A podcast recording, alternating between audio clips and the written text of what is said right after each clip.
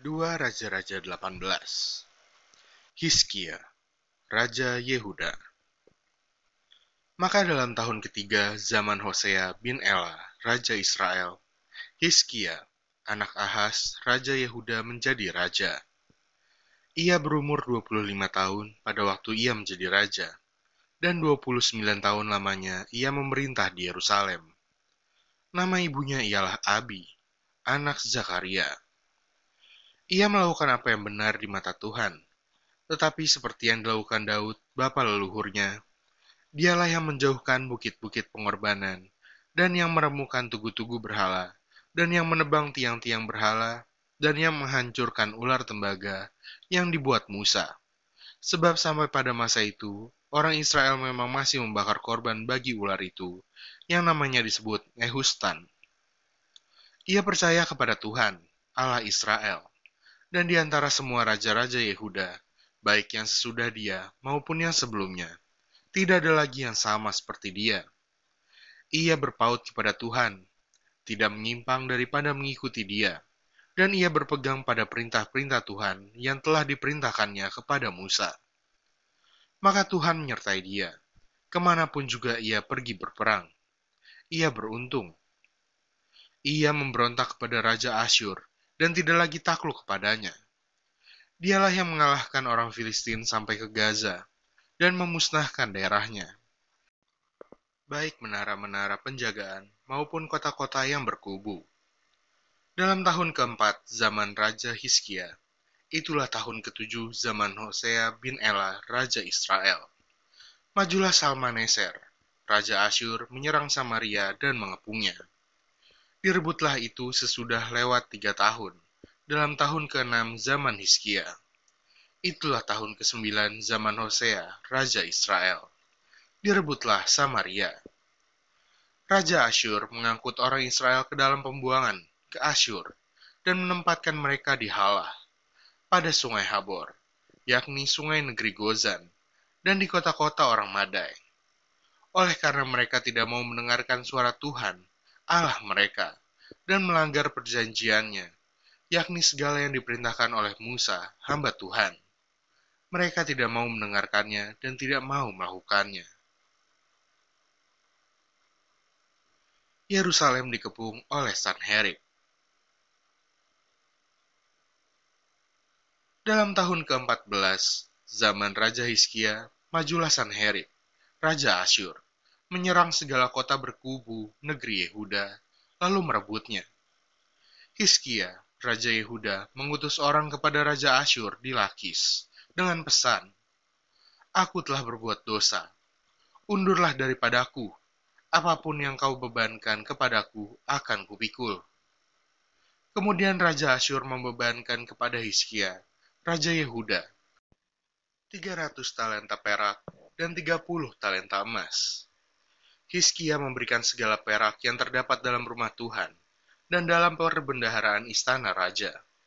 Pada waktu itu, Hizkia mengerat emas dari pintu-pintu dan dari jenang-jenang pintu bait Tuhan yang telah dilapis oleh Hizkia, Raja Yehuda. Diberikannya lah semuanya kepada Raja Asyur. Sesudah itu, Raja Asyur mengirim panglima, kepala istana, dan juru minuman agung dari Lakis kepada Raja Hizkia di Yerusalem, disertai suatu tentara yang besar. Mereka maju dan sampai ke Yerusalem. Setelah mereka maju dan sampai di situ, mereka mengambil tempat dekat saluran kolam atas yang di jalan raja pada padang tukang penatu. Dan ketika mereka memanggil-manggil kepada raja, keluarlah mendapatkan mereka Eliakim bin Hilkia, kepala istana, dan Sepna, panitera negara, serta Yoah bin Asaf, bendahara negara. Lalu berkatalah juru minuman agung kepada mereka, Baiklah katakan kepada Hiskia, beginilah kata Raja Agung, Raja Asyur. Kepercayaan macam apakah yang kau pegang ini? Kau kira bahwa hanya ucapan bibir saja dapat merupakan siasat dan kekuatan untuk perang?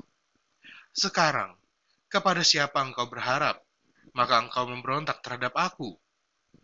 Sesungguhnya, engkau berharap kepada tongkat bambu yang patah terkulai itu, yaitu Mesir, yang akan menusuk dan menembus tangan orang yang bertopang kepadanya. Begitulah keadaan Firaun, Raja Mesir, bagi semua orang yang berharap kepadanya. Dan apabila kamu berkata kepadaku, kami berharap kepada Tuhan Allah kami. Bukankah dia itu yang bukit-bukit pengorbanannya dan mesbah-mesbahnya telah dijauhkan oleh Hizkia, sambil berkata kepada Yehuda dan Yerusalem, di depan mesbah yang di Yerusalem inilah, kamu harus sujud menyembah. Maka sekarang, baiklah bertaruh dengan tuanku Raja Asyur. Aku akan memberikan dua ribu ekor kuda kepadamu, jika engkau sanggup memberikan dari pihakmu orang-orang yang mengendarainya. Bagaimanakah mungkin engkau memukul mundur satu orang perwira tuanku yang paling kecil? Padahal engkau berharap kepada Mesir dalam hal kereta dan orang-orang berkuda. Sekarang pun, adakah di luar kehendak Tuhan aku maju melawan tempat ini untuk memusnahkannya? Tuhan telah berfirman kepadaku, Majulah menyerang negeri itu dan musnahkanlah itu. Lalu berkatalah Eliakim bin Hilkia, Sepna, dan Yoah kepada juru minuman agung. Silahkan berbicara dalam bahasa Aram kepada hamba-hambamu ini, sebab kami mengerti. Tetapi janganlah berbicara dengan kami dalam bahasa Yehuda, sambil didengar oleh rakyat yang ada di atas tembok. Tetapi juru minuman agung berkata kepada mereka, Adakah tuanku mengutus aku untuk mengucapkan perkataan-perkataan ini hanya kepada tuanmu dan kepadamu saja?' Bukankah juga kepada orang-orang yang duduk di atas tembok, yang memakan tahinya, dan meminum air kencingnya bersama-sama dengan kamu? Kemudian berdirilah juru minuman agung, dan berserulah ia dengan suara nyaring dalam bahasa Yehuda. Ia berkata, Dengarlah perkataan Raja Agung, Raja Asyur. Beginilah kata Raja, Janganlah Hizkia memperdayakan kamu, sebab ia tidak sanggup melepaskan kamu dari tanganku Janganlah Hizkia mengajak kamu berharap kepada Tuhan dengan mengatakan, Tentulah Tuhan akan melepaskan kita, dan kota ini tidak akan diserahkan ke dalam tangan Raja Asyur. Janganlah dengarkan Hizkia, sebab beginilah kata Raja Asyur. Adakanlah perjanjian penyerahan dengan aku, dan datanglah keluar kepadaku.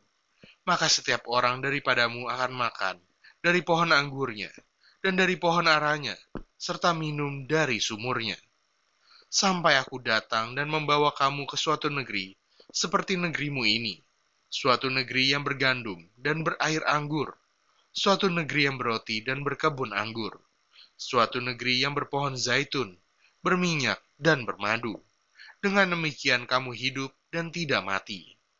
Tetapi janganlah dengarkan Hiskia, sebab ia membujuk kamu dengan mengatakan, Tuhan akan melepaskan kita Apakah pernah para Allah bangsa-bangsa melepaskan negerinya masing-masing dari tangan Raja Asyur? Di manakah para Allah negeri Hamat dan Arpat? Di manakah para Allah negeri Sefarwaim, Hena, dan Iwa? Apakah mereka telah melepaskan Samaria dari tanganku? Siapakah di antara semua Allah negeri-negeri yang telah melepaskan negeri mereka dari tanganku? Sehingga Tuhan sanggup melepaskan Yerusalem dari tanganku? Tetapi rakyat itu berdiam diri dan tidak menjawab dia sepatah kata pun.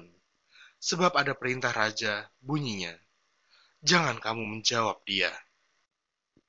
Kemudian pergilah Eliakim bin Hilkia, kepala istana, dan Sepna panitera negara, dan Yoah bin Asaf, bendahara negara, menghadap Hiskia, dengan pakaian yang dikoyakan, lalu memberitahukan kepadanya perkataan juru minuman agung.